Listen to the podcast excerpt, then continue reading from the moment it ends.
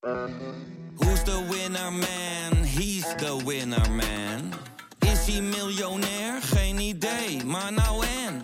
Je hebt geen jackpot nodig to be a winner man. Oh oké, dat is wel lekker man. Kijk, het gesprek begon ogenschijnlijk over het onrecht dat mensen wordt aangedaan als er zo'n vernietigende recensie wordt geschreven. En wat dat met mensen doet. Ja. Daar leek het gesprek over te gaan. Maar gaandeweg, en dat is dankzij goed redactiewerk van mijn eh, redacteur destijds, blijkt dat die test niet deugt. Via podimo.nl slash gonzo luister je de eerste 30 dagen gratis naar Podimo. podimo.nl slash gonzo. Ich bin Bundeskanzlerin AD. Ich bin keine ganz normale Bürgerin.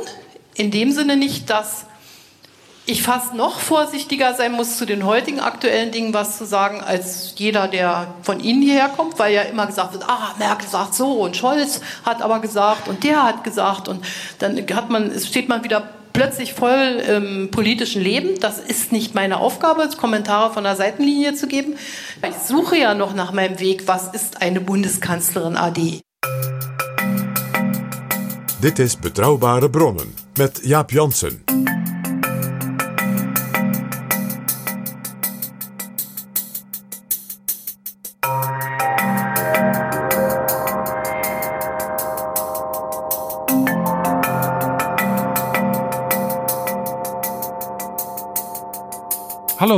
In Betrouwbare Bronnen, aflevering 276. En welkom ook PG. Dag Jaap.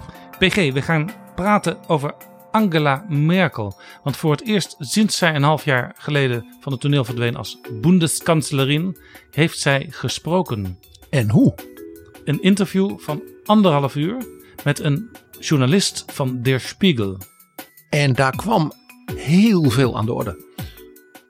Waarbij Merkel zowel iets van een soort terugblik ook op haar natuurlijk vele, vele jaren in de Duitse en de Europese politiek. Maar ook een beetje hoe het nu met haar gaat. Maar ook reflectie op wat er natuurlijk in dat half jaar sinds haar vertrek op het wereldtoneel en in Europa en in Duitsland is gebeurd.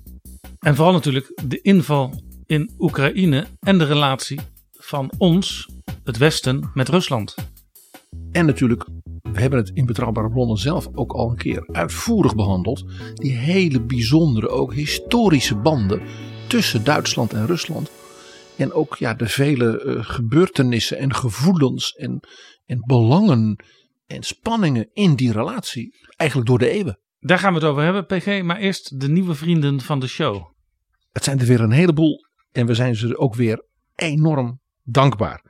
Dat geldt voor Jur, dat geldt ook voor jou Roland, Jikka, Lodewijk, jij ook Elisa, Dabbert, Piet, Robert, Arnoud, Daan en ook bedankt Rick. Allemaal zeer veel dank voor jullie donatie. En helemaal mooi als je meteen voor een jaar betaalt. Maar je kunt natuurlijk ook gewoon per maand betalen. Eenmalige donaties zijn natuurlijk ook welkom.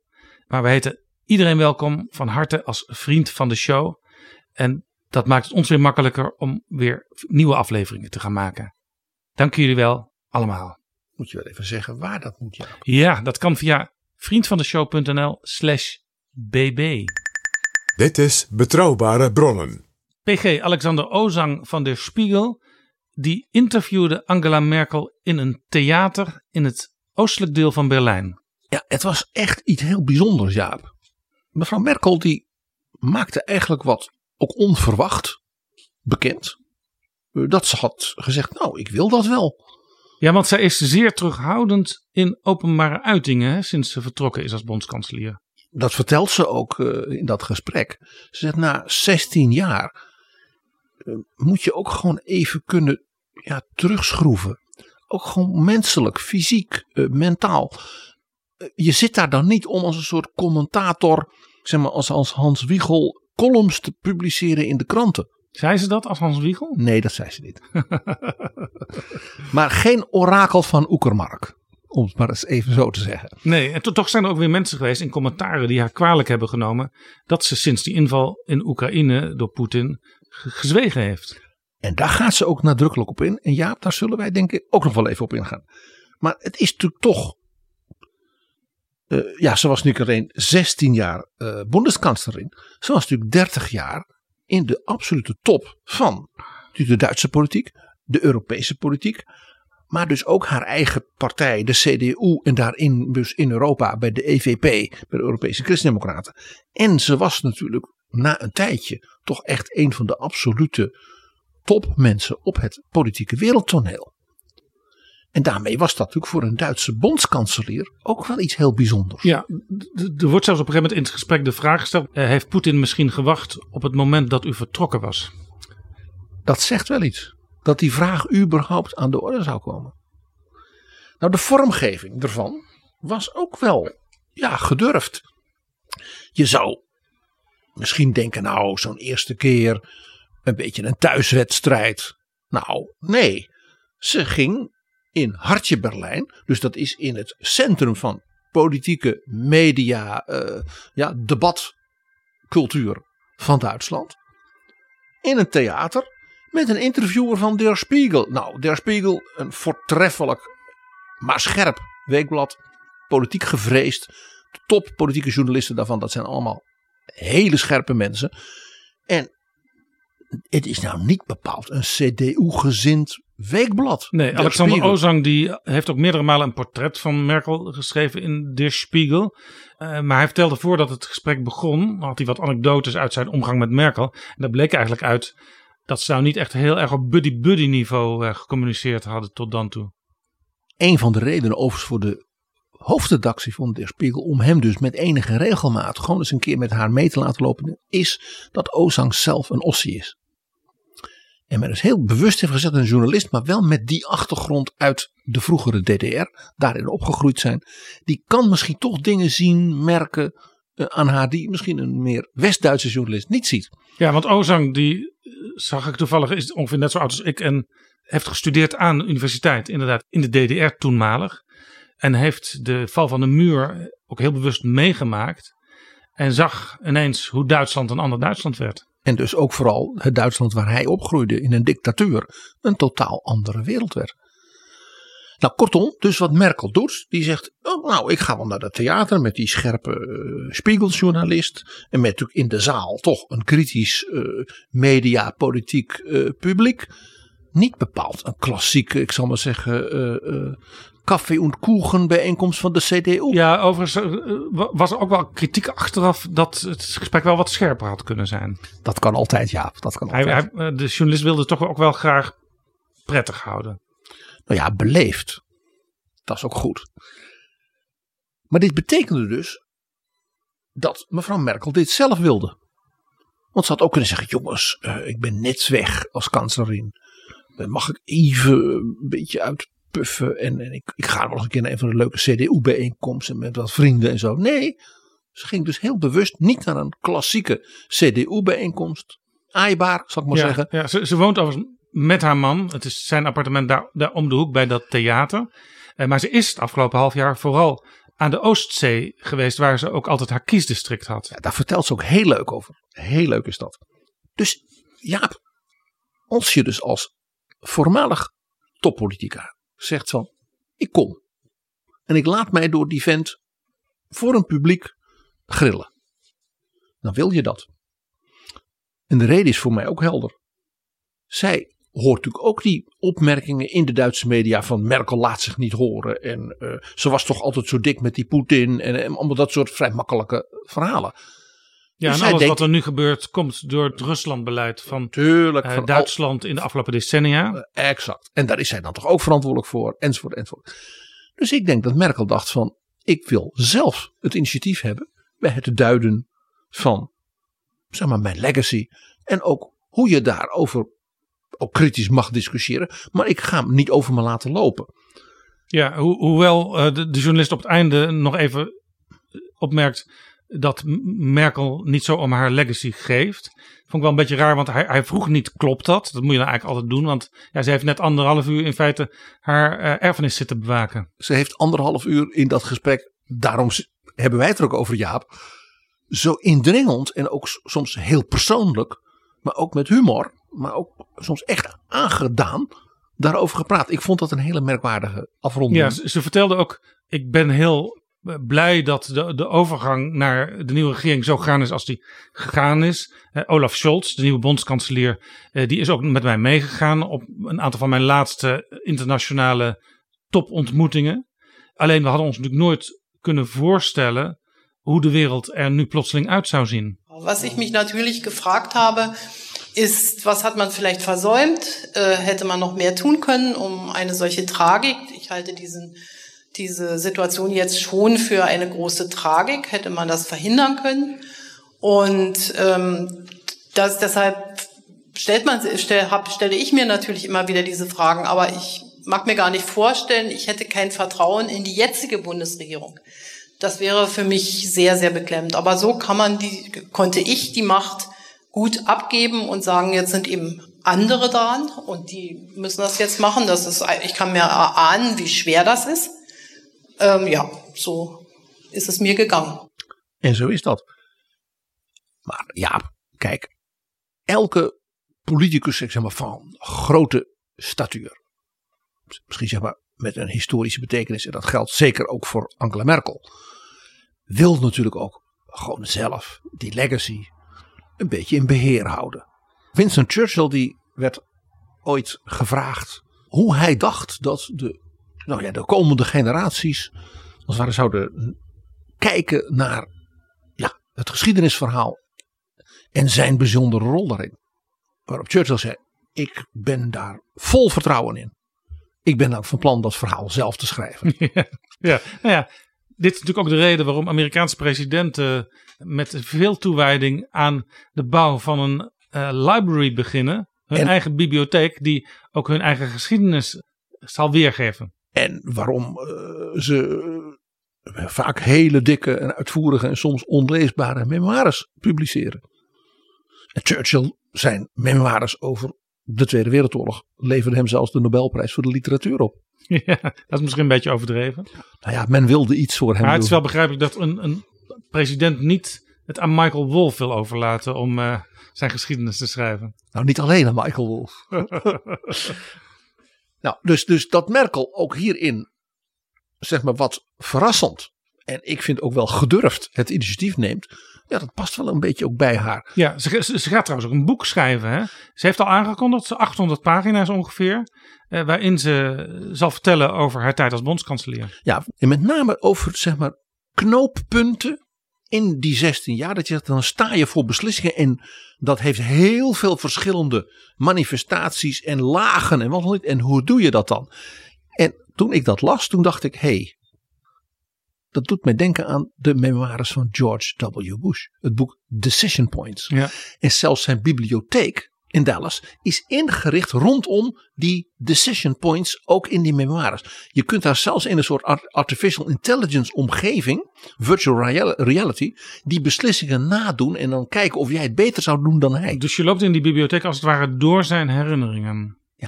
En ik vond het heel interessant dat dus Merkel in de beschrijving van hoe zij nadacht over dat boek wat ze aan het maken is, met haar vroegere chefstaf, dus als het ware een documentatie met wie ze dat allemaal besproken heeft, dat dat mij deed denken aan dat boek van Bush. Overigens dat interview in dat theater in Berlijn. Dat was eigenlijk naar aanleiding van een boekje wat verschenen is met een aantal van Merkels toespraken. En eh, dat boek is uitgegeven bij Aufbau. Eigenlijk een voormalige DDR-uitgever. Een, een de klassieke literatuuruitgever van de DDR. Eh, maar, dus zo ossie als maar kan. maar aan dat boek is eigenlijk ja, is misschien maar twee minuten gewijd. Eh, want de interviewer zei achteraf, ik kwam aan heel veel thema's die ik had willen bespreken niet toe. En dat begrijp ik wel, want het was maar anderhalf uur. Dus het was een soort aflevering van Betrouwbare Ronde, ja. Aan het eind van het gesprek zegt die interviewer, dat zeg ik altijd, moet je nooit doen als interviewer, maar zegt hij, ja, we, we zijn een beetje aan de tijd, dus ik zal een paar laatste vragen stellen. En toen pas zag ik Merkel op haar horloge kijken. Maar na dat interview gingen ze toch nog even samen eten, kartoffelsalaat. Natuurlijk. En toen vroeg, eh, Volgens Me- Me- Merkels eigen favoriete recept waarschijnlijk. en toen vroeg Alexander Ozang eh, hoe zij het eh, gesprek ervaren had. Daar zegt hij over in een stukje in de Spiegel. Sie kan es nog niet sagen. Wird man morgen sehen, sagt sie. Daarin zie je dat ze dus toch echt gewoon nog altijd de politicus is. Er was nog een heel leuk dingetje, Jaap. En dan, dan stoppen we. Dan gaan we echt de inhoud van. Dan gaan we ook naar, naar haar luisteren. eh, bij dat eten waren er nog wat mensen van de uitgeverij en ook van, van, van, van, van het theater en wat kennissen van Merkel zelf bij. En dat werd zeer geanimeerd. En to- toen gingen ze ook nog in op allerlei onderwerpen die in het gesprek aan de orde waren geweest. En Merkel had nog een herinnering aan dit en aan dat. En hij zei, ik was doodmoe na dat, die anderhalf uur. Hij zei, want ja, je zit daar toch dat gesprek te voeren en dan moet je natuurlijk op je toppen Ja, zijn. ja, die interviewer had ook van tevoren echt alle boeken over Merkel gelezen. Waaronder het ruim 800 pagina's stellende boek eh, van Ralf Bolman. Die bij ons in Betrouwbare Bronnen te gast is geweest. Ja, dus die had zich enorm ingelezen. En nou ja, dan, je wilt natuurlijk ook gewoon een, gesprek van maken. Live. Hè. Live is lekker, zegt Farid Tabarki altijd. Maar het is wel spannend. Dus na afloop was hij doodmoe. En, en ze begon weer te vertellen dit en dat. En grapjes te maken. En herinneringen aan dit en anekdote. Hij zei, na een tijdje dacht ik. Nu begrijp ik wat we wel eens horen over die Europese topbijeenkomsten. Dat zo'n Tsipras van Griekenland zei. Dan na zoveel uur dat Merkel dan gewoon opnieuw begint. En we gaan nog even een onderwerp afhandelen. Ja, pas vijf minuten voordat het begon ontmoetten ze elkaar. De interviewer en de oud-bondskanselier. Ze schudden elkaar de hand en zei Merkel meteen... ik ga je zo op het podium een box geven. Want ik kan het natuurlijk niet maken vanwege corona dat ik je de hand schud.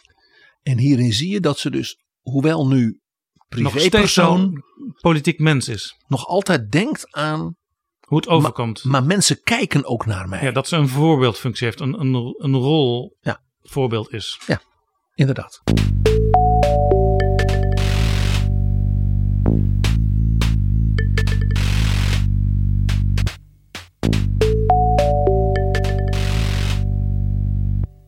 PG, dat gesprek dat ging eigenlijk voor een groot deel, dat was de rode draad in het gesprek, over de Ruslandpolitiek van Duitsland. En vooral over de toch voor omstanders altijd als heel bijzonder ervaren relatie tussen Angela Merkel en Vladimir Poetin. Ja, en zo gek is dat niet. Ja. Als ik je op één dingetje gewoon wijs. Het is één iemand met Merkel gedurende die hele 16 jaar als kanselier te maken had in de absolute wereldtop. En dat was Vladimir Poetin. Die was president van Rusland. Ja, hij Toen was, zij aantrad. Hij was al een enkele jaren president. En hij is het nog. En zij is weg. En er was natuurlijk, ja, ook natuurlijk iets, dat, dat, dat weten we. Poetin was natuurlijk als jonge officier van de KGB in Dresden, in de DDR, waar Merkel opgroeide als jonge vrouw. Poetin spreekt, hè, ze zegt het in het gesprek zelfs met enige ironie, beter Duits dan haar Russisch. Terwijl zij zelfs hè, prijzen won als scholier voor haar kennis van het Russisch. Ja. Dus, dus ook dat maakte dat die twee een hele aparte verstandhouding hadden. En het ook zo was dat dus de andere wereldleiders al vrij snel, als er weer spanningen waren met Rusland, ja, en die zijn natuurlijk voortdurend geweest, daar ging dus dit gesprek ook al over, altijd uiteindelijk zeiden Angela, praat jij met hem. Dat Ja. gold ook voor mensen als Obama, dat gold ook voor mensen als Sarkozy.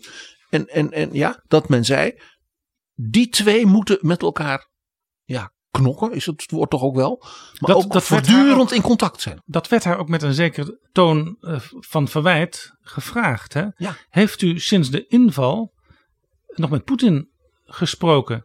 En eh, haar antwoord daarop was: ja, ik ben altijd bereid om met iemand te spreken als de huidige bondskanselier mij dat vraagt. En even later in het gesprek zei ze: of als Kiev mij dat zou vragen. Je Maar het is hier- niet gebeurd. Nee, natuurlijk niet. Maar je ziet dus ook hier weer dus dat ze na die 16 jaar dus die rolwisseling ook do- door dit soort gebeurtenissen ineens weer onder een enorme druk komt te staan. Die zij ook niet van tevoren kon weten. Also Olaf Scholz hat ja schon, äh, hat ja schon gesagt, dass Sie miteinander gesprochen haben. Genau. Ähm, worüber? Ja, schauen Sie, ähm, die, die, die Frage ist jetzt einfach, dass dort Menschen am Werk sind mit der neuen Bundesregierung, die kennen ja, sind ja auch keine Newcomer, die kennen die äh, Gegebenheiten und wenn jetzt etwas passieren würde, das ist das, was mich beruhigt, wo ich sagen würde, das geht in die vollkommen falsche Richtung, dann kann ich sehr viele anrufen. Das musste ich aber noch nicht. Ähm, Nog een puntje, Jaap. Even, wanneer trad mevrouw Merkel ook alweer aan? Ja, in 2005. Wat was er toen gebeurd? Toen was er in de Duitse politiek, ten opzichte van zowel de Verenigde Staten als Rusland, ook sprake geweest van een Zeitenwende. De inval in Irak. Ja, want na 9-11 was natuurlijk iedereen solidair met Amerika, met president Bush. En Duitsland ging, en dat was heel bijzonder in de Duitse geschiedenis, meedoen als bondgenoot militair in Afghanistan. Dat is ook verdedigd nadrukkelijk door eh, de groene aanvoerder, minister van Buitenlandse Zaken, Joschka Fischer. Fischer. Jazeker. Maar toen kwam de inval in Irak en het omverwerpen van het regime van Saddam Hussein. Ja, waar toen Europa zwaar verdeeld was. Want ook Frankrijk deed daar niet aan mee. Frankrijk, dat hele warme banden had met het regime van Saddam Hussein, ook nucleair, deed niet mee. Poetin zei, als, die ook diezelfde banden had, eh, zei ook nee, dat moesten we maar niet doen. En toen gebeurde het. De Duitse regering van Gerhard Schröder en Fischer zei, wij doen ook niet mee. Wij zitten op één lijn met Poetin en Chirac. Dat was in de Duitse politieke geschiedenis echt een enorme inbreuk. Vlak daarna trad dus Merkel aan, de verkiezingen verloren door Schröder van 2005, als de nieuwe kanselier. Ja. En Merkel die, die eh, haalde de betrekkingen met de Verenigde Staten, met Bush, weer aan. Want Merkel als CDU-oppositieleider was dus zeer kritisch geweest naar de regering Schreuder. Dat was natuurlijk ook verplicht, hè, zal ik maar zeggen. Maar ook van dat ze zei van ja, je kunt de band met de Verenigde Staten, die voor Duitsland vanuit de geschiedenis zo wezenlijk is, niet op deze manier als het ware zomaar ja, in het geding brengen.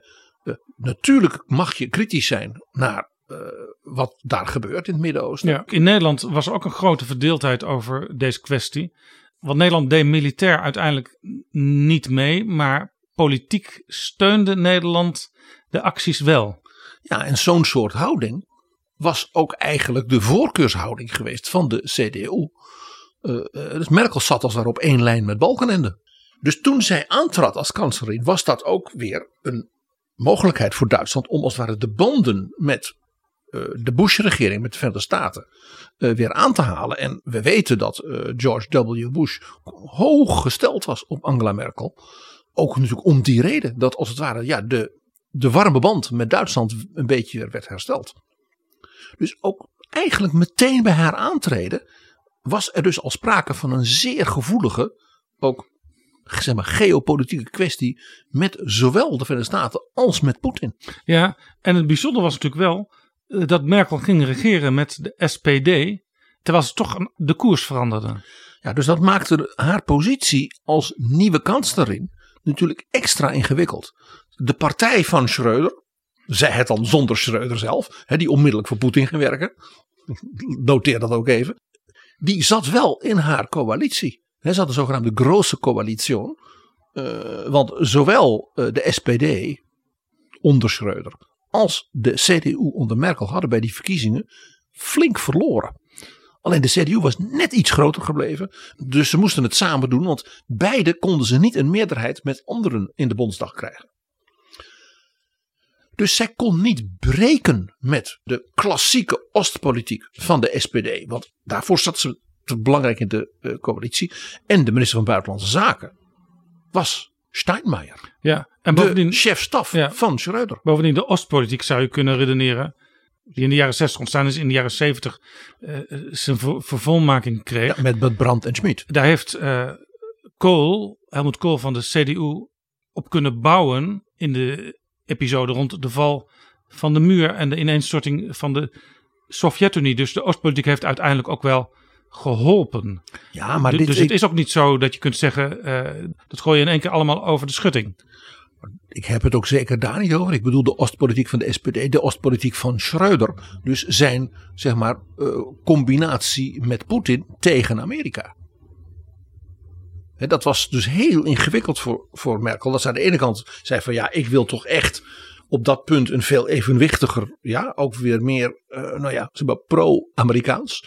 Maar tegelijkertijd kon ze ook weer niet zeggen, uh, ja, uh, de SPD moet zijn mond maar houden. Want Ja. de minister van Buitenlandse Zaken was van de SPD. Nou ja, het is in feite waar Duitsland als, als geheel, niet alleen de SPD, maar toch ook andere partijen eh, zie je daarmee worstelen. Ja, op dit moment nog steeds eh, een beetje enerzijds, anderzijds redeneren. En waar andere landen in Europa en zeker ook het Verenigd Koninkrijk en de Verenigde Staten zeggen van Duitsland wees nou eens echt helder. Ja, dat is een, een rechtstreeks gevolg van dus die wat moeilijke positie waarmee Merkel als het ware in 2005 met de SPD, maar toch ook weer meer eh, zeg maar pro-Amerikaans eh, moest zien te wirtschaften. Ja, je moet natuurlijk ook eh, ter verdediging aanvoeren. Duitsland ligt waar het ligt. Midden in Europa. Eh, met dat hele grote Rusland pal naast zich. En met die enorme geschiedenis. Ja, dus eigenlijk moest Merkel naar haar coalitiepartner SPD zeggen: Ja, ik ben nu de kanselier. Ik voer dus wat CDU-beleid. Maar ik gun jullie de voortzetting ook weer van wat jullie hebben gedaan. En eh, nou ja, daarbij speelde dus ook nog dat Schreuder als ex-kanselier. Nou ja, zeg maar minder eh, terughoudend was dan Merkel nu is. Maar zich onmiddellijk eh, ja, eh, zeg maar door, eh, door Poetin liet inhuren. En ook gewoon openlijk als lobbyist van zijn grote vriend Vladimir de Lupenreiner Democraat, zoals hij hem noemde, ging optreden. Dat maakte het natuurlijk voor zijn partij, dus voor mensen als Steinmeier en ook Scholz, hè, die ministers waren, natuurlijk ook lastig om afstand te nemen. Ja, En dat vonden ze ook waarschijnlijk niet zo erg. nee, er werd natuurlijk ook op defensie flink bezuinigd in die jaren. Nederland deed dat overigens ook. In het gesprek werd haar dat ook gevraagd. Hè? Want zij legde op een gegeven moment uit. eh, wat wij nu inmiddels ook wel weten. Dat het enige wat Poetin begrijpt is kracht tegenover zich. Maar, maar ja, die interviewer zei. eh, u heeft er ook meegewerkt aan al die bezuinigingen op defensie. En toen werd ze een beetje kriegelig. En toen vroeg ze aan die interviewer. Heeft u eigenlijk in dienst gezeten? Ja, ja dit was een heel, heel fijn momentje. Wir haben damals auf dem ähm, Gipfel dann in Wales äh, das 2%-Ziel für die NATO festgelegt. Und ehrlich gesagt, wo ich mich manchmal jetzt auch ein bisschen wundere, ist, ähm, die CDU und die CSU waren eigentlich die einzigen, die in ihre Regierungsprogramme dieses äh, 2%-Ziel auch reingeschrieben haben. Und ich habe äh, viele Stunden meines Lebens damit verbracht, zwischen 2014 und 2017 nahezubringen, meinem Koalitionspartner, dass wir eine bewaffnete Drohne brauchen. Ähm, es, nee, die ist zwischen 2014, sch- ab 15 schon, aber dann bis 21 im Grunde. Es ist mir nicht gelungen. Ich bin jetzt heilfroh, dass wir nun uns endlich auch entscheiden, nachdem die ganze Welt bewaffnete Drohnen hat, dass wir auch welche kaufen. Und es ist auch nicht an, an, an mir gescheitert, dass bestimmte andere Dinge nicht stattfinden konnten. Das war ein sehr zähes Ringen, äh, überhaupt in die äh, militärische Abschreckung zu investieren. Und wenn Sie mich fragen, was hätten wir vielleicht stärker machen sollen? Ich meine, das ist die einzige Sprache, die Putin versteht. Das muss man schon sagen. Dass er gesehen hat, dass äh, wir an der Stelle und nicht nur Deutschland, sondern viele andere auch ähm, eben nicht mehr die Schlagkraft des Kalten Krieges hatten. Und deshalb halte ich auch eben Afghanistan für so bedauerlich, weil er da gesehen hat, dass im Grunde jetzt dasselbe passiert ist, was mit der Sowjetunion auch passiert ist. Das hat ihn natürlich wahrscheinlich eher mit Genugtuung erfüllt. Aber ich will auch mal darauf hinweisen, dass wir von 2014 dann nach dem 15 Bales ähm, den ähm, Bundeswehretat von 32 auf 50 Milliarden ähm, erhöht haben. Also so viel wie nie. Also ist, man kann nicht sagen, wir haben auf die Krim-Annexion überhaupt nicht reagiert. Ja, aber die, die Bundeswehr, müsste ich jetzt als Spiegelreporter sagen, ist schon, schon ziemlich verlottert unter ihrer, unter ihrer Ägide, muss man so sagen, oder? Also, Naja, als ob sie verlottert ist. Ich würde mal jetzt Folgendes sagen. Ich habe, äh, also erstens, der. Wehretat, der Wehretat, haben Sie gedient? Selbstverständlich, ich war Gut. Gefreit, Ein aber in der Nationalen Bausoldat. Volksarmee. Okay. Ähm, ja, ich will sagen, anderthalb Jahre. wenn man so über Soldaten so spricht, äh, das, das tut mir jetzt ein bisschen weh. Also erstens, habe ich mir mal jetzt angeschaut, als ich aus dem Amt gegangen bin, war der Bundeswehretat so hoch wie der von Frankreich und Großbritannien ungefähr. Und äh, dass man dann einfach sagt, da ist gar nichts. Eigentlich so, dann muss man vielleicht auch die Frage stellen, und die muss ich mir natürlich auch stellen, hat man genug Druck gemacht, um das Beschaffungswesen da mal zu verändern? Aber da will ich nur auch mal sagen, jede 25 Millionen Ausgabe musste durch den Haushaltsausschuss. Das, äh, also da müssen sich alle ein bisschen an die Nase fassen, da fasse ich mir mit an die Nase. Aber ähm, die Bundeswehr hat, es gilt im Ausland, wenn Sie Generalsekretär der NATO fragen, Stoltenberg, der spricht sehr gut über die Bundeswehr. Wir waren diejenigen, die in Afghanistan die ganze Zeit dabei waren. Wir haben 20 Nationen mitgeführt. Äh, wir haben äh, wir haben äh, eine sehr, sehr gute Reputation bei unseren anderen Auslandseinsätzen.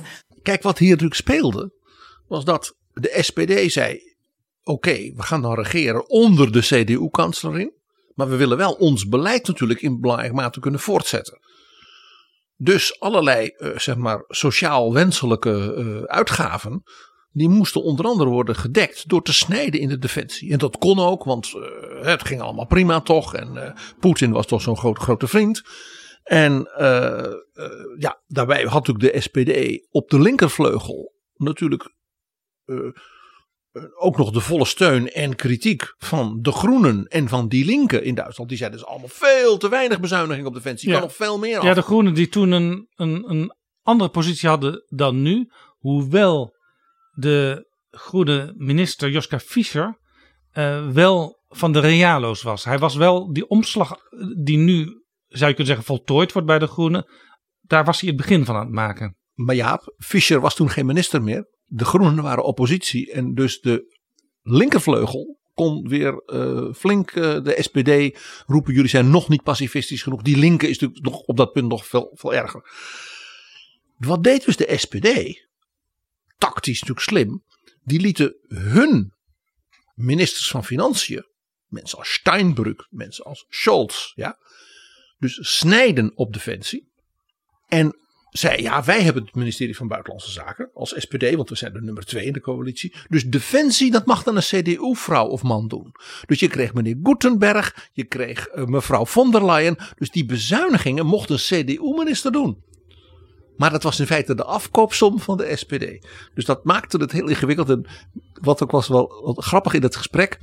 Uh, dat Merkel een beetje, wat jij ook al zei, ze was een beetje kriegelig. Dat ze er even fijntjes aan herinnerde dat uh, bijvoorbeeld investeringen in hele nieuwe wapenontwikkelingen die echt nodig waren, zoals drones. Uh, ja, dat die werden geblokkeerd door zeg maar, die linkse meerderheid in de Bondsdag. Merkel zei ook dat het haar wel opviel dat de enige partij die de 2% BBP voor defensie in zijn programma had staan, haar, haar eigen, was. haar eigen CDU was. En toen zei ze dat dat allemaal niet lukte. En dat we ook die, nieuwe, die moderniseringen allemaal niet kregen door die bezuinigingen. En zei ze, es ist nicht an mir gescheiterd. Dat is niet mislukt omdat ik dat tegenhield, nee. om het zo te zeggen. Auw. Ja, dat was even echt een, een, een, Dat deed even zeer. Dat deed even zeer. Maar Jaap, ook hier weer nuchterheid.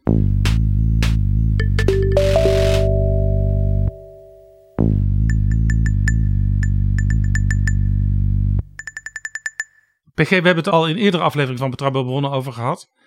Het idee in Duitsland was wandel door handel. Dus je moet handel drijven met Rusland.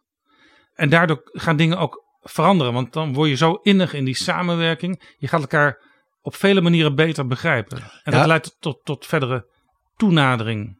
Het was onder brand en met name zijn adviseur Egon Baar weet je wel, was het, het parool wandel door annäherung. Als we ondanks de Koude Oorlog toenadering tot elkaar zoeken, elkaar proberen te begrijpen. Misschien toch ook wel economische relaties, wetenschappelijke relaties, culturele relaties. Dan kunnen we elkaar misschien wat beter begrijpen. Ja, dat was, je zou kunnen zeggen, het kernleerstuk van de buitenlandpolitiek van Duitsland, lange jaren. Het is dus een misverstand als men denkt, en Merkel stipt dat ook aan, zeg maar, deze benadering, die Oostpolitiek, was iets van alleen maar de SPD. Of alleen maar Gerhard Schreuder. Ja, Schreuder deed het graag. En, met Gazprom en alles. Maar het was meer dan dat. Uh, het Duitse bedrijfsleven zag natuurlijk heel veel mogelijkheden op die markten in Midden- en Oost-Europa en in Rusland. Ja, dus bijvoorbeeld ook de FDP, de liberale partij, die natuurlijk banden met het bedrijfsleven koesterde, die, die voelde hier ook wel voor. Ja, maar dat gold ook voor uh, deelstaten van Duitsland met hele grote zeg maar, economische belangen in dat grote Duitse bedrijfsleven. Dan moet je denken aan Noord-Rijnland-Westfalen en aan Niedersachsen met name. Uh, ja. Waar dus heel veel ook economische banden dus met Rusland waren. En dat waren dus ook CDU geregeerde landen. Het was dus niet zo dat het als het ware de CDU op dit punt als het ware een soort monolithisch blok was tegenover een monolithische SPD. Nee, het was gewoon, speelden, het was gewoon um, dat liep door de partijen heen. Ja, toch een vorm van realpolitiek zou je kunnen zeggen. En gewoon wirtschaft. En cultureel nog een belangrijk punt. Wat ook voor Merkel persoonlijk speelde. En dat is natuurlijk in de nieuwe landen, dus de vroegere DDR, er heel veel gevoel nog altijd was van wij begrijpen die Russen beter je zou denken, wat een merkwaardig soort nostalgie. Ja, maar dat was toch een stukje identiteit waarin men maar, in de DDR was opgegroeid. de druzhba, de vriendschap van Duitsers en Russen die nu dankzij de bevrijding was gekomen. Dat zit heel diep en ook dat is iets wat, waar Merkel dus mee had moeten werken. En ook vanuit dat idee werd dus die gedachte van als wij elkaar nou begrijpen, we bij het bedrijfsleven zijn en heel veel uh, economische relaties met elkaar ontwikkelen, dan gaat het vanzelf steeds beter worden. Daar werd dus de term wandel door handel voor gebruikt. Ja, en Merkel zegt daar iets over in het gesprek met Alexander Ozang. Und ich habe mich ja zu keiner Zeit der Illusion hingegeben. Zum Beispiel wird immer gesagt, wir hätten alle an äh, Wandel durch Handel geglaubt. Ich habe nicht daran geglaubt, dass Putin durch Handel gewandelt wird. En Merkel is dus eigenlijk heel nuchter. Die zegt, nou, door economische relaties ga je de politieke mentaliteit en de cultuur niet veranderen. Maar dit is wel opmerkelijk, PG, want dit is wel ook haar beleid geweest. Ja. Dus zij neemt nogal hard afstand van een kernleerstuk. Zij zegt dat ze nooit heeft geloofd, zeg maar politiek, ik zou bijna zeggen ideologisch, dat alleen door economische relaties het als het ware allemaal beter zou gaan bij Poetin. Dat het vanuit zeg maar economische realpolitiek ja, gewoon uh, nodig was. Van ja, je moet met elkaar handel drijven. En misschien kun je dan ook nog af en toe eens wat druk op elkaar uitoefenen. Dat mag zo wezen. Maar het is hoogst opmerkelijk. Hoogst opmerkelijk dat ze dat zo hard zegt. En ja, ik zeg het even wat ondeugend, Jaap. Het is natuurlijk ook een beetje een neo-Marxistische gedachte dat je door economische relaties het bewustzijn van mensen zou veranderen. En daarvoor is Merkel toch te veel een christendemocraat. De onderbouw en de bovenbouw. Ja. PG, het valt me sowieso op in dit gesprek dat het beeld wat wij een beetje zeg maar als buren van Duitsland hebben en, en zeker ook als Merkel-watchers, dat zoals zij over Poetin praat, kijk, je kunt ook zeggen van, al, uiteraard, alles wat hij nu doet, dat, dat is totaal onverdedigbaar. Maar zij zegt eigenlijk over heel haar relatie met Poetin, al die 16 jaren als bondskanselier. Ja, zij neemt, zij neemt in verregaande mate afstand van hem. En zij zegt ook: wij staan voor totaal verschillende waarden. Poetin eh, die heeft echt vijandschap tegen het westerse democratisch model. Dus wij kunnen elkaar eigenlijk nooit echt vinden. Ik heb geglaubt dat der Nachbarschaft zu Russland und Europa und Russland sind Nachbarn. Wenn es schon politisch nicht geht, wenigstens bestimmte Handelsbeziehungen äh, sinnvoll sind, weil man sich ja nicht vollkommen ignorieren kann. Das wird man auch in der Zukunft nicht können. Hm. Und ähm, das, was für die Ukraine jetzt so tragisch ist, ist, dass sie natürlich, ähm, sie, ihr wird es unendlich viel schwerer als uns gemacht, den Weg zu gehen, den sie selbstbestimmt gehen möchte. Und äh, sie erlebt im Grunde so etwas, was eben Polen und die Ungarn 56 und 53 bei uns und 68 in Prag, äh, was, was andere auch erlebt haben. Und jetzt ist das doch unsere Aufgabe zu versuchen, das so wenig wie möglich ähm, stattfinden zu lassen. Und letztlich ist die Ukraine ja auch geopolitische Geisel des Westens, Putins Hass, Putins, ähm, Putins ähm, ja, man muss sagen, Feindschaft geht gegen das westliche demokratische Modell. Und er hat, da war ich ja auch nicht ähm, blauäugig oder so, ich weiß noch sehr, wie ich oft mit Leuten gesagt habe, ihr wisst, dass er Europa zerstören will. Er will die Europäische Union zerstören, weil er sie als Vorstufe zur NATO sieht. Ik moet zeggen dat dat deel van het gesprek is zowel zeer onthullend als je hoorde ook aan de geconcentreerdheid en ook de emotie bij Merkel hoe, hoe diep dat zat en dat ze dus in feite zat. Ik heb 16 jaar lang met die man moeten communiceren. Het was ook misschien ook wel een, een beetje van wat ik zei, die andere wereldleiders zeiden, Angela, jij kan met hem praten. Dus daar staat ook weer iets in van, ja, die Duitsers en die Russen, die begrijpen elkaar toch veel beter. En zeker zo'n Ossie als uh, Merkel, hè? en ze spreken ook nog zo goed Russisch. Ja, zij zijn echt Poetin-versteer. Ja, de, ja, ja, maar dat ze daar tegelijkertijd ook voortdurend zoiets had van, maar naïef ben ik niet. Zij werd ook meteen op de eerste ontmoeting door Poetin geïntimideerd. Jaap, vele mensen kennen die beelden dat Merkel dan als nieuwe kanselier op bezoek is bij Poetin. En dat hij toevallig een van zijn hele grote Labradorhonden daar rond, laat rondlopen. En iedereen zei, hij weet toch wel dat Merkel door een ongeluk in haar jeugd heel erg bang is voor honden. In dit gesprek vertelt Merkel nog iets anders. Die intimidatie die was zelfs al eerder geweest. Laten we even luisteren. Sie sind vom Hund mal gebissen worden, er wollte Sie damit einschüchtern und so soll das heißen. War das in der Tat so oder hat, mir hat irgendjemand jetzt gerade erzählt, dass, ähm, ähm, dass eine Labradorhündin war und dass, ähm, dass er auch vorher gefragt hat, dass er ihnen womöglich sogar eine Freude machen wollte? Naja, also wer es glaubt, glaubt, wird selig. Also mein erster Besuch im Kreml, der lag vor dem Sochi-Besuch, war so, dass äh, Putin schon zu mir gesagt hat, äh, ich habe gehört, du hast ein Problem mit Hunden und da hatte so einen großen Stoffhund für mich. Und insofern konnte ich also den Hund in Sochi nicht mhm. als einen liebevollen Zufall. Mhm. Er hat auch nicht gefragt. Hund. Das ist einfach, wenn Mir ist keine Frage okay. bekannt geworden. Vielleicht haben meine Leute sich nicht getraut, kann ich mir mal nicht vorstellen. Äh, kann ich mir wirklich nicht mhm. vorstellen, mir zu sagen, da könnte ein Hund sein. Nein, nein. Ähm, ist ja jetzt auch egal, eine, eine, tapfere Bundeskanzlerin muss mit so einem Hund fertig werden. Das ist ja nur auch mal klar.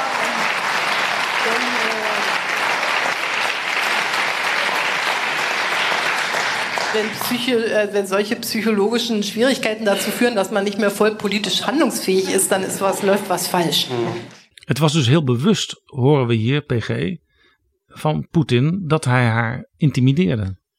Hij had dus bij de veel eerder een cadeautje voor haar. Een plushhond.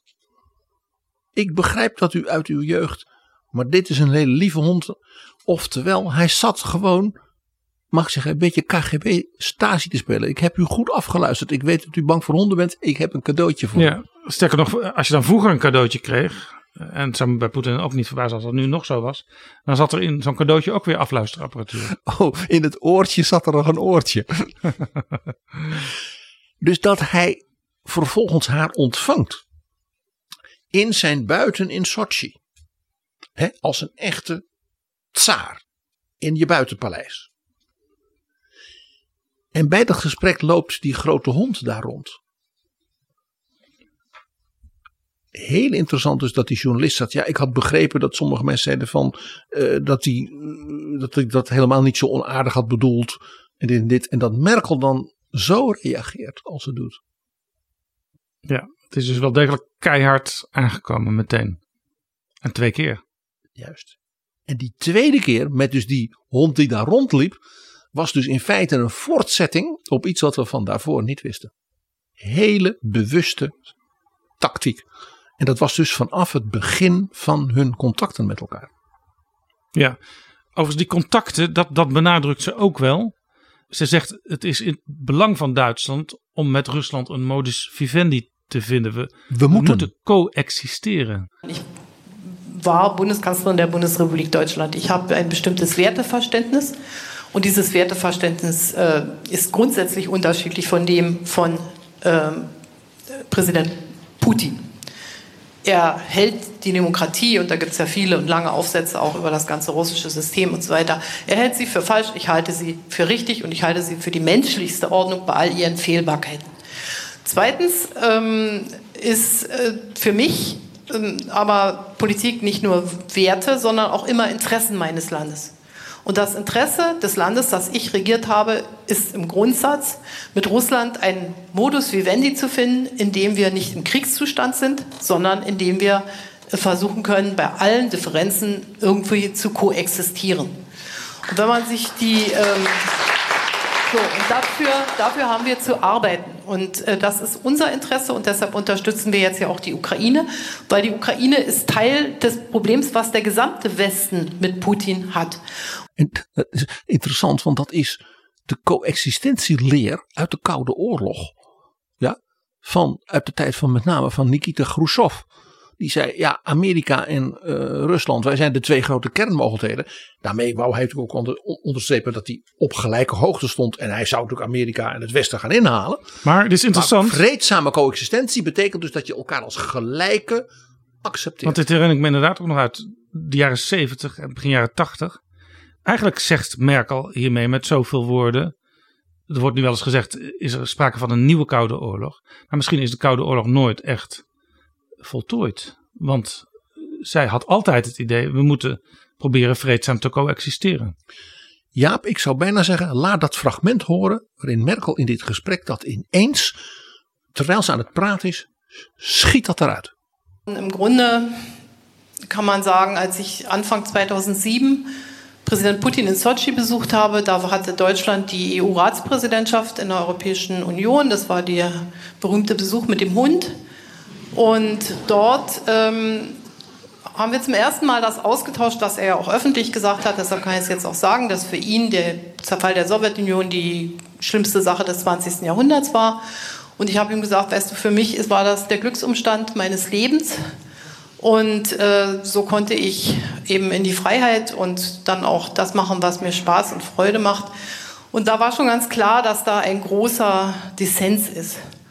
Und ähm, dieser Dissens hat sich immer fortentwickelt und es ist nicht gelungen, ähm, in all diesen Jahren sozusagen den Kalten Krieg wirklich zu beenden, wenn man es mal heute hart auf hart sieht, sondern es ist immer bei all unserem Glück und bei dem Glück der europäischen Einigung und der vielen Länder, die aus Osteuropa und Mitteleuropa dazukommen könnten, ist immer dieser Punkt Russland geblieben. Und ähm, ich teile nicht die Meinung äh, von Herrn Putin, um das ganz klar zu sagen. Aber es ist eben auch nicht gelungen, eine Sicherheitsarchitektur zu schaffen, die dieses hier hätte verhindern können. Und darüber muss man schon nachdenken, aber das äh, werden ja dann auch Historiker noch tun. Klar ist, und das will ich hier nochmal sagen, weil damit kein Missverständnis entsteht, dieser Überfall auf die Ukraine, wie er am 24. Februar stattgefunden hat, findet keinerlei Rechtfertigung. Das ist ein brutaler, das Völkerrecht missachtender Überfall, für den es keine Entschuldigung gibt. Je kunt met andere woorden eh, Merkel van alles verwijten achteraf. Maar ja, je hebt ook een, een positie in Europa, in de wereld. En ze zegt ook richting Oekraïne in dit gesprek. Eh, mijn hart sloeg altijd voor Oekraïne. Maar ja, we moeten wel de realiteit onder ogen zien. Maar bij alles wat ik heb gedaan, ook bij, bij het tot stand komen van de Minsk-akkoorden, heb ik wel in mijn achterhoofd gehouden. Oekraïne moet er wel zo goed mogelijk uitkomen. Vanuit het besef dat als je Oekraïne, zeg maar, al is er maar wat ruimte geeft, ja, dat Poetin niet volledig in zijn greep kan krijgen. Want die hond in Sochi, in 2007 was nog niet de Kamer uit. Of Merkel vertelt daar dus ook nu zeer indringend over. Ontstaat er een gesprek tussen haar en Poetin over zeg maar, de fundamentals van de politiek. Hoe staan we tegenover elkaar? En Poetin die zegt van kijk, ik ben als president van Rusland verantwoordelijk voor het Rusland van nu. En het Rusland van nu is ja, het product van wat hiervoor gebeurd is. En wat was dat? de instorting van de Sovjet-Unie. En toen heeft hij gezegd, mevrouw Merkel, dat is de grootste ramp in de wereldgeschiedenis voor ons. Ja, het, het grootste ongeluk. Ja. Dus dat dat grote koloniale imperium van de tsaren en van Stalin dus weg was. En daar zegt Merkel, afkomstig zelf uit de Een DDR. van die koloniën. Het was zijn, zijn grootste ongeluk, maar En- het was mijn grootste geluk. Zij zegt tegen hem, maar voor mij was de ondergang van de Sovjet-Unie het geluksmoment in mijn leven. Hier zie je dus in alle schrilheid de grote tegenstelling tussen Merkel en Poetin. En zij gebruikt daar een heel indringend Duits woord voor. Er was vanaf dat moment, dat gesprek, voor mij duidelijk, er was tussen ons contact. We moesten met elkaar wirtschaften, hè, letterlijk en figuurlijk, die coexistentie. Maar er was een groter dissens. Dus er was tussen ons een volstrekte onoverbrugbare tegenstelling Ja. in hoe je naar de, de wereld, je land en de geschiedenis van zowel Rusland als Duitsland kijkt. Ja, dissens dan als zeg maar het, het, het, het tegengestelde van consensus. Juist. Vandaar dat ze zei: misschien hebben wij, anders dan wij als Westerlingen dachten, de Koude Oorlog nooit echt kunnen afronden. Wij denken dat misschien wel. Muurgevallen, Wiedervereinigung, ja, Baltische landen in de EU, al die ja, positieve dingen wat je samen kunt doen. Maar dat is dus voor Poetin en zijn mensen nooit een afronding geweest. Jaap, daar is letterlijk deze dagen een adembenemend voorbeeld van geweest. Je weet, ik heb het alles verteld. Op het bureau van Merkel als kanselier hing een portretje uit de 18e eeuw. Catharina de Grote. De prinses van Anhalt-Zerbst, dus de jonge Catharina, toen ze nog geen tsarina was, maar de Duitse prinses uitgehuwelijkt aan het hof in Sint-Petersburg. Dus dat meisje, ook uit de DDR, zouden we nu zeggen, want dat Anhalt-Zerbst is daar, dat daar, en volkomen onverwacht, dus die ongelofelijke positie in de wereldgeschiedenis, machtigste vrouw op aarde, dat Merkel zich op een bepaalde manier met haar identificeerde. Ja, begrijpelijk. Wat zegt Poetin letterlijk deze dagen? Ja, dat was in een gesprek, hè? Ja, en dat was naar aanleiding van, Een gesprek dat live werd uitgezonden. ja, met publiek. Net als Merkel met publiek nu. Er, er, er werd een, een Peter de Grote tentoonstelling geopend. Die tentoonstelling was niet zomaar Jaap. Die was ter gelegenheid van een grootse nationale viering in Rusland van 350 jaar Peter de Grote. Ja, Tsaar Peter de hij is Eerste was 350 jaar geleden geboren. op 9 juni. En Poetin spreekt daar met publiek. En die zegt: Ja, ik spiegel mij aan Peter. Want wat deed hij? Hij veroverde in de Baltische, Noordse wereld. Denk even, Jaap, Zweden en Finland nu lid van de NATO. Veroverde hij allemaal gebieden. En daarvan zei men toen dat was natuurlijk eh, veroveringen. En dat was dus eh, geweld. Maar Poetin zei, en dat herkennen we nu. eh, dat, wij, ik, nam geen, ik pakte geen land af.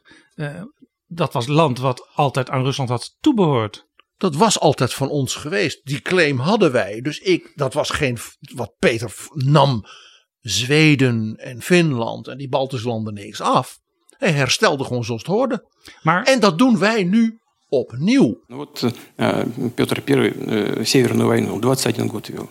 Казалось бы, там с- с- воевал с, э, э, со Швецией, что-то отторгал. Ничего не отторгал. Он возвращал. heel macaber. Overigens, Peter de Grote, als wij aan Peter de Grote denken vanuit Europa, dan denken we toch ook vooral aan de moderniseerder. En ook aan de man die in, in Nederland kwam kijken, in Zaandam ging, ging wonen, in Amsterdam veel kwam, om te kijken hoe wij alle, hoe, hoe wij schepen bouwden. Hij bouwde zelf mee aan schepen. Hij opende Hij- het venster naar Europa. Hij bouwde na die veroveringen op Zweden.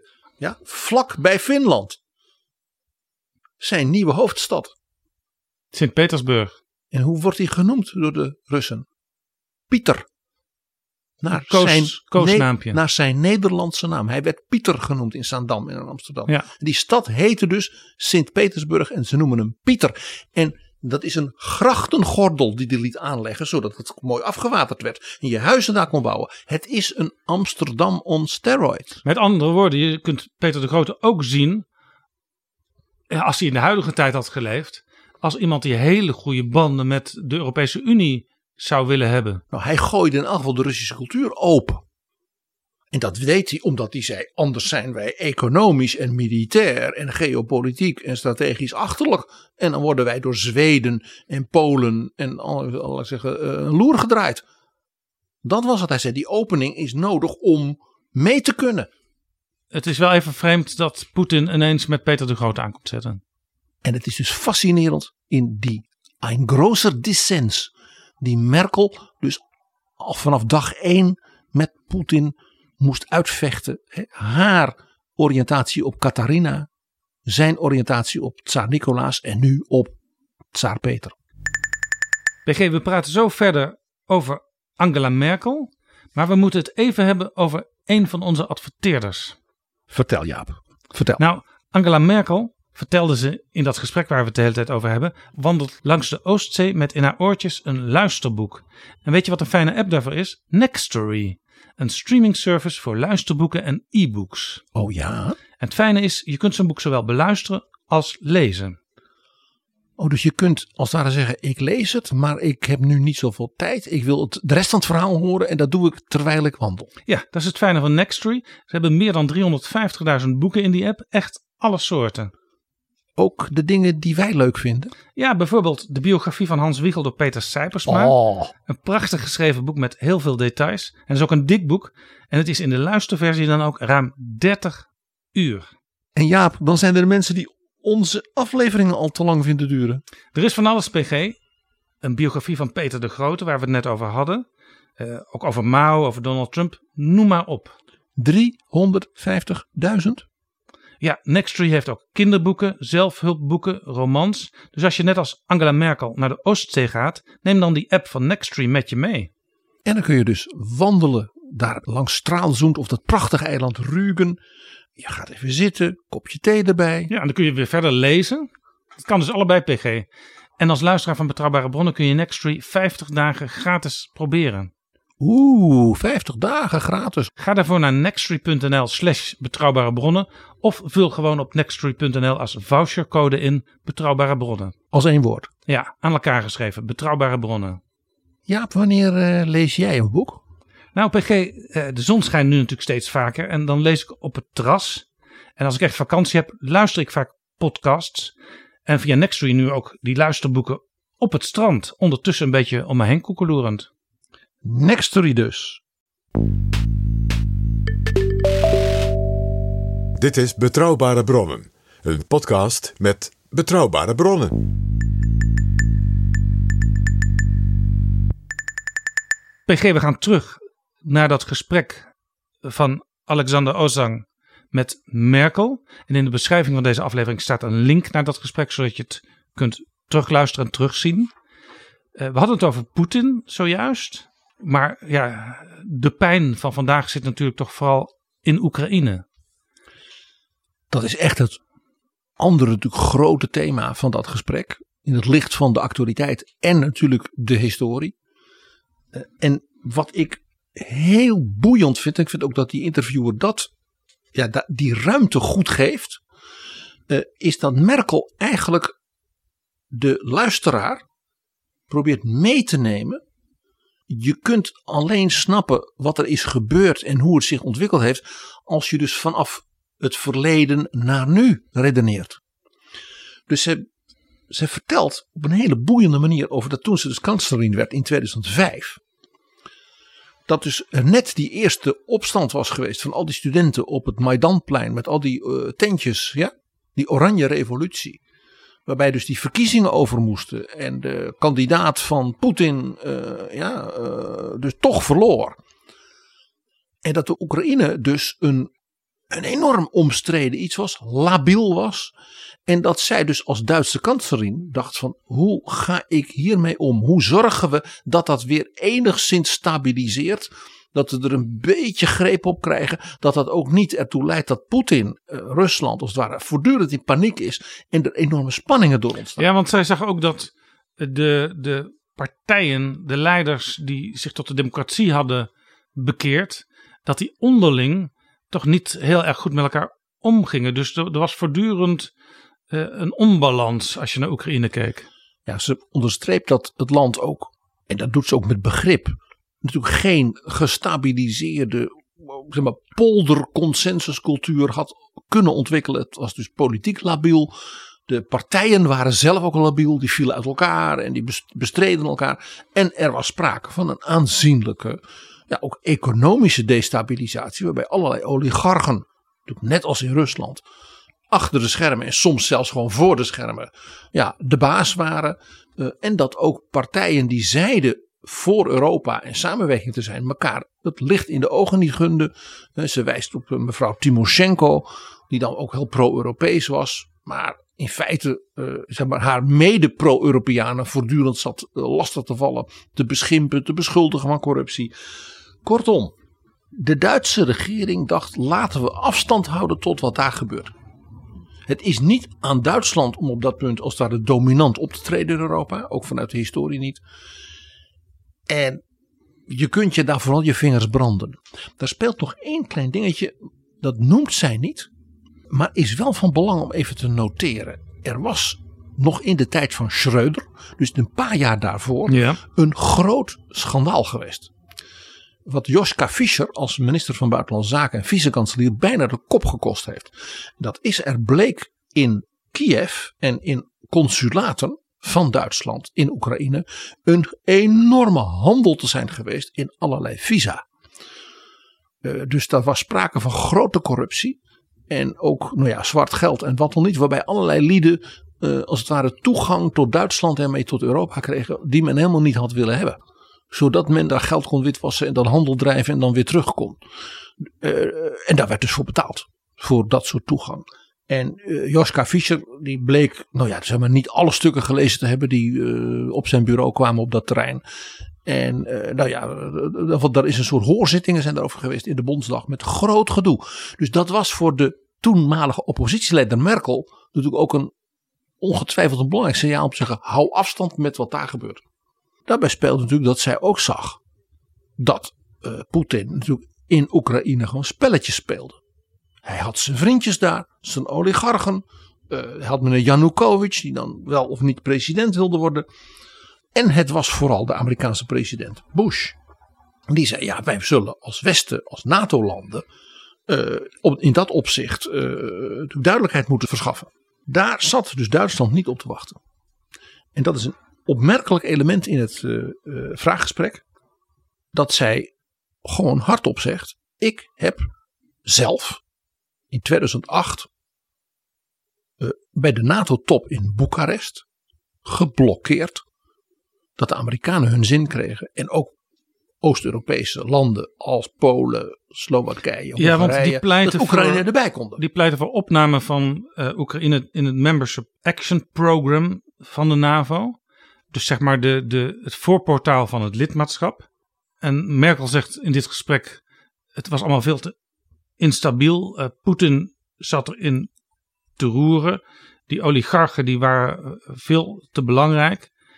En ja, de NAVO, ook dat speelde toen al. Het NAVO-lidmaatschap, de groei daar naartoe is een proces, een lang proces. En ik wist dat Poetin dat niet over zijn kant zou laten gaan. Also erstens äh, bei Betrachtung der Ukraine war die Ukraine nicht die, die wir von heute kennen. Es war eine Ukraine, in der es politisch sehr, sehr gespalten war zwischen Janukowitsch und Juschenko. Und selbst die Reformkräfte Timoschenko und Juschenko haben sich nicht besonders gut vertragen. Das heißt, es war kein innerlich demokratisch gefestigtes Land. Und äh, wenn man ein Land in eine NATO aufnimmt und der Membership Action Plan ist die klare Vorstufe dazu, dann muss man äh, wissen, dass ähm, wir dann auch bereit sind, ein solches Land wirklich zu verteidigen, wenn es einen Angriff gibt. Zweitens war ich mir sehr sicher und deshalb ähm, fand ich, dass die Ukraine ihren demokratischen Weg äh, weitergehen muss, sehr sicher, dass äh, Putin das nicht wird einfach geschehen lassen. Das war für ihn aus was, seiner Perspektive eine Kriegserklärung. Und jetzt kann man ja sagen, das teile ich nicht. Ich teile da überhaupt nichts. Ich, dass er den ganzen Westen als seinen Feind ansieht dass er findet, dass er permanent gedemütigt wurde. All das teile ich überhaupt nicht. Aber ich habe gewusst, wie er dachte und dass er das genau so sieht. Und ähm, es hat ja dann auch nur wenige Monate gedauert, dass in Georgien dieser Krieg mit, ähm, im Zusammenhang mit Südossetien und Abchasien ausgebrochen ist, wo dann äh, der Präsident Sarkozy noch vermittelt hat. Und es war vollkommen klar, er wird es auch in der Ukraine nicht geschehen lassen, weil wir ja schon wussten, dass er in Moldawien mit Transnistrien auch so einen Fall geschaffen hat, dass im Grunde Russland immer mit einem Fuß in diesem Land ist und damit es dann wieder unmöglich macht, dass dieses Land sich Richtung Westen mehr orientieren kann. Und äh, ich wollte das nicht äh, weiter provozieren. Und zweitens war die Entwicklung nicht gefestigt genug und ähm, da muss man sich schon drauf äh, verlassen. Und drittens, ähm, ehrlich gesagt, das muss man ja auch sagen, Präsident Zelensky kämpft unglaublich mutig gegen die Korruption an. Aber damals war, das, war die Ukraine schon auch ein von Oligarchen beherrschtes Land. Und das kann man nicht einfach sagen, die, euch nehmen wir morgen in die NATO auf. En daar zat dus ook nog een soort binnenlands politiek aspect in. Vandaar dat ik verwees naar dat visa-schandaal. Dat is een land dat bestuurlijk, economisch, qua corruptie en die oligarchen zo labiel is. Wie weet dat als je ze nu zou toelaten, wat je over vijf jaar zegt, moeten we dat verdedigen? Ja, toch kwam er op een gegeven moment een, een communiqué dat uh, de deur wel open stond voor een toekomstige lidmaatschap. Ja, Merkel vertelt dus, dat is buitengewoon interessant, uh, dat ze uh, gezegd, nou dat gaat niet gebeuren. daarbij speelde dat op datzelfde moment in de Caucasus Poetin dus een inval had laten doen, militair, zoals nu in Oekraïne in Georgië. En dat de Franse president Nicolas Sarkozy daar namens zeg maar, de westerse leiders enorm moest gaan bemiddelen, druk zetten op Poetin en dergelijke. Dus Merkel zei van als je ziet wat Nicolas nu moet doen in Tiflis en in het Kremlin, om, te, om te, te verhinderen dat er complete oorlog in de Caucasus komt, wat denk je dat Poetin gaat doen als het voor hem honderd keer belangrijker Oekraïne in dit soort omstandigheden komt? En zij geeft dus in feite toe dat president Bush toen is gezwicht voor haar. Ja, zij zegt ook in het gesprek: Ik heb vaak gewaarschuwd als mensen al te enthousiast waren over bepaalde ontwikkelingen. Uh, let op Poetin, want Poetin zal dit allemaal niet toestaan. En zij vond dus de Oekraïnse kant te labiel en te ja, onbetrouwbaar nog, ook in democratisch opzicht. En zij vond dus geopolitiek het risico dat Poetin na Georgië dit zou beschouwen als een bijna een soort inval van de NATO in wat hij dan Rusland noemt, eh, dat ze dat risico niet wilde nemen. Nee, en eh, als, als gezegd wordt, ja, misschien heeft Poetin wel gewacht op het afscheid van Merkel voor dat die Oekraïne binnenviel, dan, dan zegt, zet Merkel er eigenlijk tegenover. Nou ja, ik heb er in ieder geval voor gezorgd door dat NAVO-lidmaatschap heel ver in de toekomst te plaatsen, uh, dat het toen al niet is gebeurd. Zij zegt: Het ging mij erom elke vorm van escalatie, waar dat kan, te voorkomen. En zij zag toen dus gewoon dat als een rechtstreeks gevaar. Ja. En dan komt er een moment waarvan zij zelf zegt: dat is een diepe césuur. Waarin ook haar houding ten opzichte van Oekraïne dus fundamenteel is veranderd. En die historische lijn, daarvan zegt ze impliciet, die wordt nu in 2022 wat al te makkelijk in de terugblik vergeten. En dat is natuurlijk toch geweest 2014, die tweede grote revolte op het Maidanplein. Ja, het moment wat we ook met Guy Verhofstadt hebben besproken, toen Guy Verhofstadt daar ook met Hans van Balen was. Ja, en Verhofstadt ook vertelde van, nou ja, wij werden gewaarschuwd dat we, als we niet oppassen, we zouden gewoon door snipers uh, worden doodgeschoten. Wat ook later die nacht is gebeurd, hè, met allerlei uh, studenten en zo. Voor Merkel was 2014 dus een enorm signaal. Want nu was duidelijk dat dus de mensen in Kiev, zeker ook de jonge mensen en de partijen, zeiden wij willen geen dominantie door het Kremlin via de Janukovic. Wij willen die samenwerking met de EU. Wij willen die democratie en wij willen de greep van die oligarchen breken.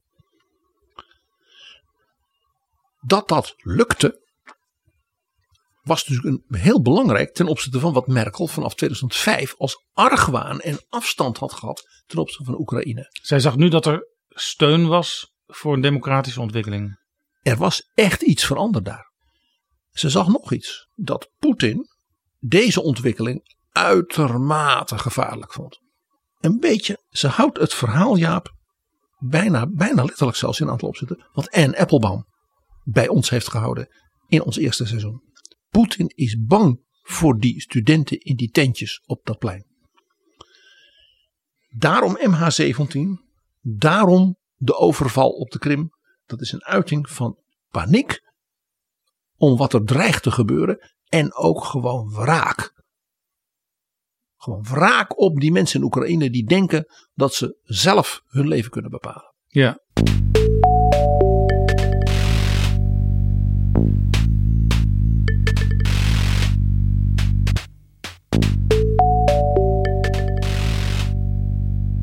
In 2014 werd natuurlijk de Donbass voor een deel bezet door Rusland getrouwen.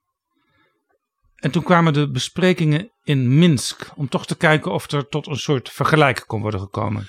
Ja, en hier zie je dus een hele belangrijke stap in de ontwikkeling zoals Merkel die schetst. In 2008 was er nog president Sarkozy. Die namens de westerse leiders ging bemiddelen in de Caucasus. Nu, 2014, 2015, was het de Franse president plus Angela Merkel. Dus Merkel zei: Ik ga nu een stap zetten. Want ik geloof dat we Oekraïne moeten helpen die positieve ontwikkeling te laten maken. Ondanks dus die militaire druk en die burgeroorlog, of wie het verder noemen wil, aan die grens. We moeten Oekraïne die kans geven. Dat werden de zogenaamde Minsk-akkoorden.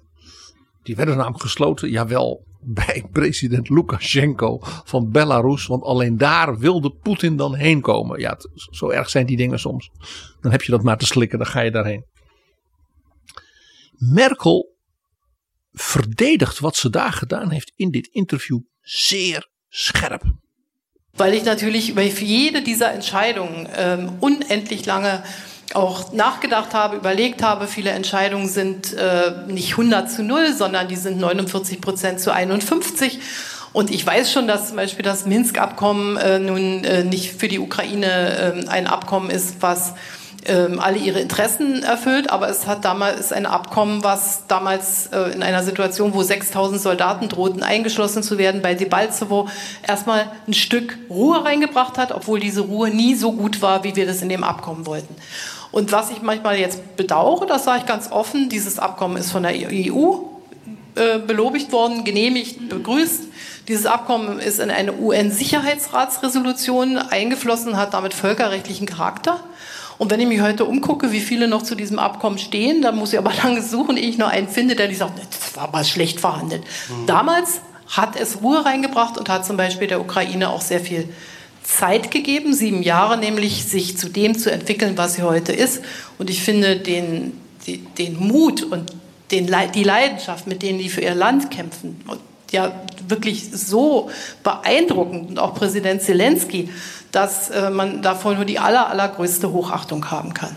En Merkel zegt in feite van, we hebben met die Minsk-akkoorden onvolmaakt, maar meer kon niet op dat moment, ervoor gezorgd dat Poetin niet nog veel dieper ook militair ingreep. In feite hebben we het bevroren. Net zoals de Sarkozy was gelukt in de Caucasus, de zaak bevriezen. En ik vind het heel mooi als Merkel dan formuleert ze: ik heb niet te weinig geprobeerd te doen in deze crisissituatie. En dat geeft mij rust. En dan zegt ze: ik voel grote trouwer, dus groot verdriet, omdat dit niet heeft kunnen verhinderen wat Poetin nu doet. Maar dat dat niet lukte, ook zoveel jaar daarna nog niet, is niet iets wat ik mijzelf verwijt. Nee, dus, dus het is allemaal verschrikkelijk, maar zij heeft gedaan wat ze kon en ze heeft ook gedaan wat ze moest doen. En ze onderstreept dus ook van, dat heb ik met de Franse president samen gedaan, omdat wij met z'n tweeën konden uitstralen dat dus we de volle steun van de rest van Europa daarmee hadden en ook van het Westers Bondgenootschap. Ja, uh, eh, PG, ze benadrukt in het gesprek een paar keer: uh, ik ben nu niet meer de bondskanselier. Ik laat het nu echt over aan mijn opvolger en zijn mensen. Maar hoe ziet de wereld volgens Merkel er op dit moment uit? Wat zijn haar conclusies? Het eerste wat wel heel krachtig in dit gesprek naar voren komt, is dat zij zegt: eigenlijk vanaf die hond in Sochi. En dat gesprek, zij dus doordrongen is geraakt en dat dat nu, 15 jaar later, ja, nog harder, ja, dat vindt ze dus, dat, dat is die trouwer hè, van haar, merkbaar is, is dat ze zegt, Poetin ziet de Europese samenwerking, de Europese Unie, als het grote gevaar. Want als landen daarin mee gaan doen, zoals de Baltische landen, zoals Finland, zoals de Oost-Europese landen, en Oekraïne en Moldova willen ook, dan komen ze in een manier van leven, van samenwerken, economisch, maar ook uitwisseling van mensen, hè, vrij verkeer. Het gaat om het woord vrij verkeer. Dat die landen helemaal bij elkaar brengt. Ja, en Poetin, zegt Merkel, voelt zich omsingeld. Dat is niet zo, maar hij voelt dat wel. En dan is het dus een realiteit, zegt ze. Als hij dat voelt, dan is het voor hem realiteit. Dus als ik zeg, als zo'n land in de EU mee gaat doen, of het nou Letland is, ja, of Roemenië, of Moldova of Oekraïne, dan wordt dat voor die mensen een kans van het leven. Zoals Merkel ook zei, de ondergang van de Sovjet-Unie was mijn kans van het leven. En dat Poetin dan zegt, huh, die EU, dat is een soort feestverpakking van de NATO. Dan wordt het dus onderdeel van een westerse manier van denken, van, van, van, van leven, van met elkaar communiceren, met vrijheid van meningsuiting, met vrijheid van geloof, vrijheid Ja. van vul maar in. Dus Poetin ziet eigenlijk de EU als een, als een nog groter gevaar voor Rusland dan de NAVO. Want de NAVO is, is maar een deel van het beleid en de Is EU gaat mili- over alles. De EU is meer dan alleen maar een militair soort zekerheidsgarantie. Vandaar ook dat Poetin natuurlijk eh, de afgelopen jaren voortdurend aan het stoken was in de Europese Unie. Landen uit elkaar spelen. En dat is ook precies waar zij op wijst. Dat is precies waar zij op wijst. Als die landen die kans grijpen om mee te doen, al is het maar om te beginnen met iets van Europa. Hè, Oekraïne doet al mee met Erasmus. Dat is dus al een dodelijk gevaar. Dat je scholieren en studenten uitwisselt. Ja, en vandaar dat Poetin ook soms geld geeft, maar in ieder geval invloed uitoefent. Zowel op radicaal rechtse partijen als op radicaal linkse partijen in de Europese Unie. En Brexit steunde. En bij het referendum over Oekraïne in Nederland van alles deed. En zelfs ook hoe hij zijn vriend Assad helpt. Ja, In Syrië. En, ja, en ervoor zorgt dat de verschrikkingen daar ertoe leiden dat je dus Europa met een vluchtelingencrisis zou kunnen destabiliseren. Merkel ziet dit als één groot geheel. Dat zijn allemaal aspecten van dit conflict. En ze zegt nog iets. Dat is waar jij al op wees. Dat bijna realistische pragmatisme. Rusland is er. Ze zegt het is een land zo groot op letterlijk en figuurlijk op wereldschaal. Je zult met Rusland moeten communiceren. Ondanks die hond. Je zult het moeten blijven proberen. Dat vond ik ook een zeer opmerkelijk element waarbij ze dus zegt. En dat kan alleen als je dus met elkaar, Europees, elkaar vasthoudt. Want dan kun je ook Oekraïne vasthouden. Dan kun je ook de Balten, dan kun je ook Moldova vasthouden. Er zit op dat moment, Jaap, in dat gesprek ineens een ding wat heel diep bij Merkel naar boven kwam. En je merkte aan de zaal dat men dat voelde. Ze zegt dan ineens, misschien dat wij Duitsers, wij hier, hè, ook in dit theater, nu pas beseffen het grote geluk dat wij in 1989 hebben gehad. Die muur viel, die Wiedervereinigung kwam. Wat Helmut Kool allemaal heeft gedaan. Ze noemden Helmut Kool ook met ere, opmerkelijk. Dat even alles in een optimum samenviel. En dat er dus geen schot viel. Dat, en ze zegt ook Gorbachev, ze, ze heeft in de Balt wel degelijk geweld gebruikt in de Baltische landen. Ja. Gorbachev was een communistische, communistische leider. Maar uiteindelijk konden we met hem er wel uitkomen. En ze zegt, wat hebben wij een groot geluk gehad. En, ze, en daarom ook zegt ze hoe bitter het is en hoe verschrikkelijk het is voor de mensen in Oekraïne.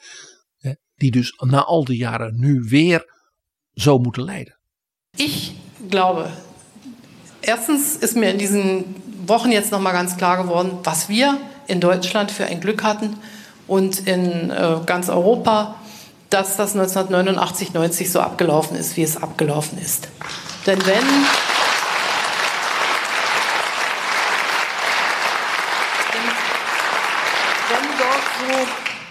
Ähm, ja, also ich meine, Gorbatschow war Kommunist, der war äh, Generalsekretär der KPDSU. Da gibt es jetzt auch, er hat im Baltikum wahrscheinlich auch durchaus äh, Schuld auf sich geladen. Aber wir haben einfach ähm, einen sehr guten Moment der Geschichte abgepasst.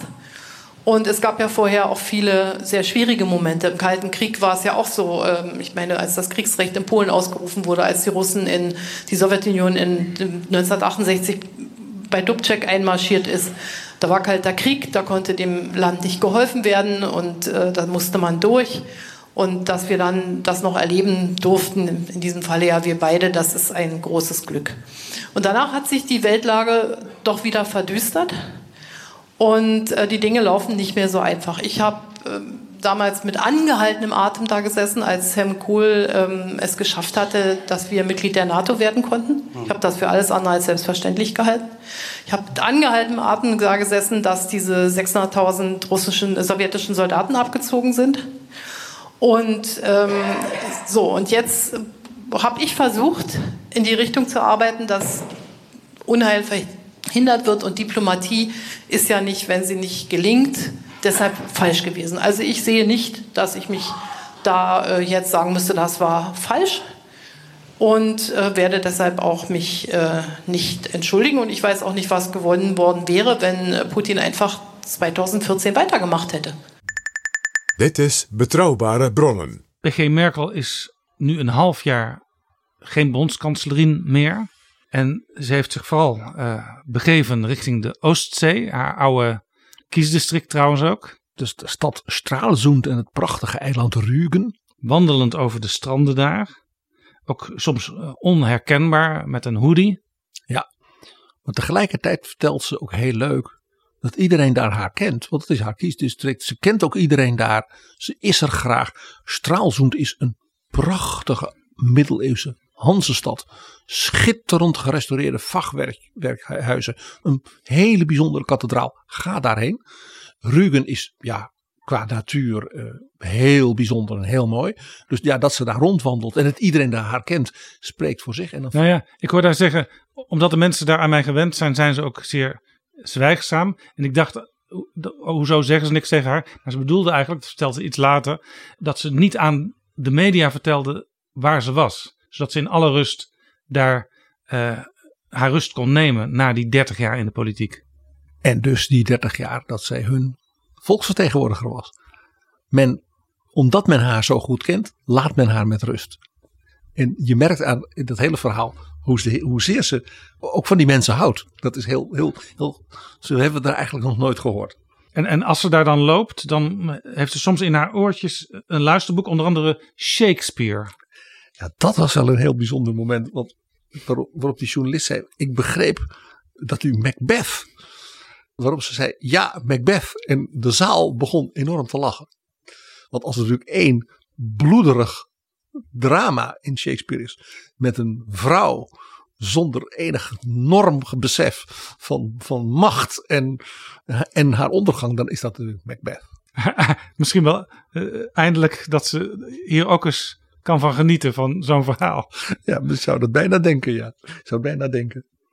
Und erstaunlicherweise ist es mir nicht langweilig geworden, sondern ich habe ähm, den Tag einfach richtig gut rumbekommen. Und äh, rumbekommen hört sich jetzt ein bisschen komisch an, aber ich wusste ja gar nicht mehr, wie das ist. Ich habe 30 Jahre Politik gemacht und hatte immer Termine, Termine, Termine und war eigentlich sehr, sehr froh und glaube seitdem, äh, dass ich mit diesem neuen Lebensabschnitt sehr gut zurechtkomme und auch sehr glücklich sein kann. Ze laaft zich dus nu aan luisterboeken van Shakespeare. Maar nog even terug, PG, naar het begin. Ze zat dus in een theater vlakbij het appartement van haar man in Berlijn. Ze kon erheen wandelen. Maar dat theater is een historisch theater. Ja, het is ook weer heel erg Merkel de, ja, de jonge vrouw opgroeiend in die DDR. Want dat theater, dat was het Berliner Ensemble. De Berliner Ensemble was het theater dat de, nou ja, de regering van Ulbricht in begin jaren 50 schonk aan Bertolt Brecht toen die dus uit Amerika, want daar woonde hij als balling, bereid was terug te keren naar Duitsland en dan naar de DDR kwam, want hij was toch een communist. Dus ze hebben hem en zijn gezelschap dat cadeau gedaan, zodat hij daar zijn theater kon maken, zijn stukken kon uitvoeren. Dus ook zijn revolutionaire veranderingen in de theaterpraktijk, de modernisering kon toepassen. Waarmee dus Oost-Berlijn, dat was natuurlijk ook de bedoeling van het regime, een soort cultureel brandpunt van progressieve cultuur werd. Dus Brecht kwam met zijn hele uh, aanhang uit nota bene Californië. Hij woonde en werkte in Hollywood.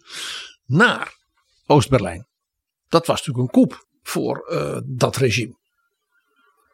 En dat theater, waar dus Brecht tot zijn dood zeg maar de artistiek leider van is geweest. Daarna nam zijn weduwe Helene Weigel dat nog heel lang over. Dat is dus het klassieke moderne theater van Berlijn. Daar ging Merkel naartoe. Dus op dat podium waar Merkel zat met die journalist, is bijvoorbeeld de Dreigroschenoper vele malen opgevoerd. En de Caucasische Kreidekreis en de Goede Mens van Szechuan enzovoort enzovoort. Moeder courage und ihre kinder. Dat past ook wel een beetje bij Merkel. Ja, dus die plek is ook een soort symbool van ja, Berlijn als stad van vernieuwing, controverse, cultuur en toch ook wel de cultuurgeschiedenis, de eigen cultuurgeschiedenis van de DDR waar zij in opgroeide. Ik moet er even denken aan Angela Merkel in die hoodie over het strand lopend luisteren naar Lady Macbeth van Shakespeare. Want op dat podium van dat theater is natuurlijk ook vele malen uh, Mackie Messer gezongen. En daarin komt het tekstje voor. An einem schönen blauen Sonntag liegt ein toter Mann am Strand und ein Mensch geht um die Ecke, den man Mackie Messer nennt. Ja. Dat is ook de bloederigheid van Shakespeare die hier weer terugkomt bij Bertolt Brecht. Brecht hield van zijn Shakespeare. En Mackie Messer, de koning van de dieven, de moordenaars, de oplichters, de omkopers. Dus de chef van de maffia van Londen van de 18e eeuw, want daar speelt het, is natuurlijk de hoofdfiguur uit de Dreigroschenoper. En het is de jonge Vladimir Poetin in ultima forma, Jaap. Dus zullen wij vanuit het Berliner Ensemble van Brecht in Oost-Berlijn luisteren naar die moritaat des Mackie Messer in de opening van zijn Dreigroschenoper. Und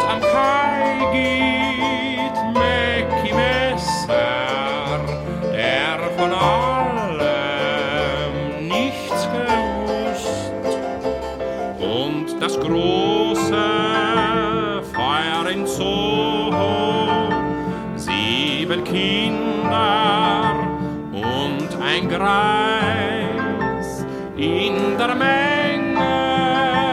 Mackie Messer, den man nichts fragt und der nichts weiß.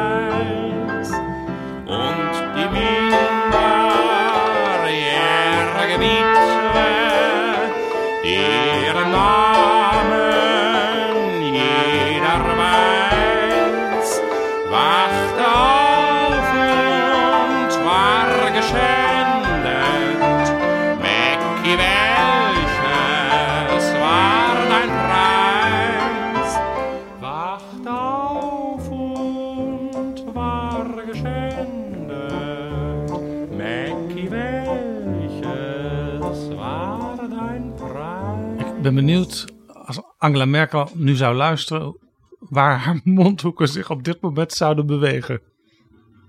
Dat was uit de Dreigroschenoper de Moritat des Mackie Messer. Dankjewel, PG.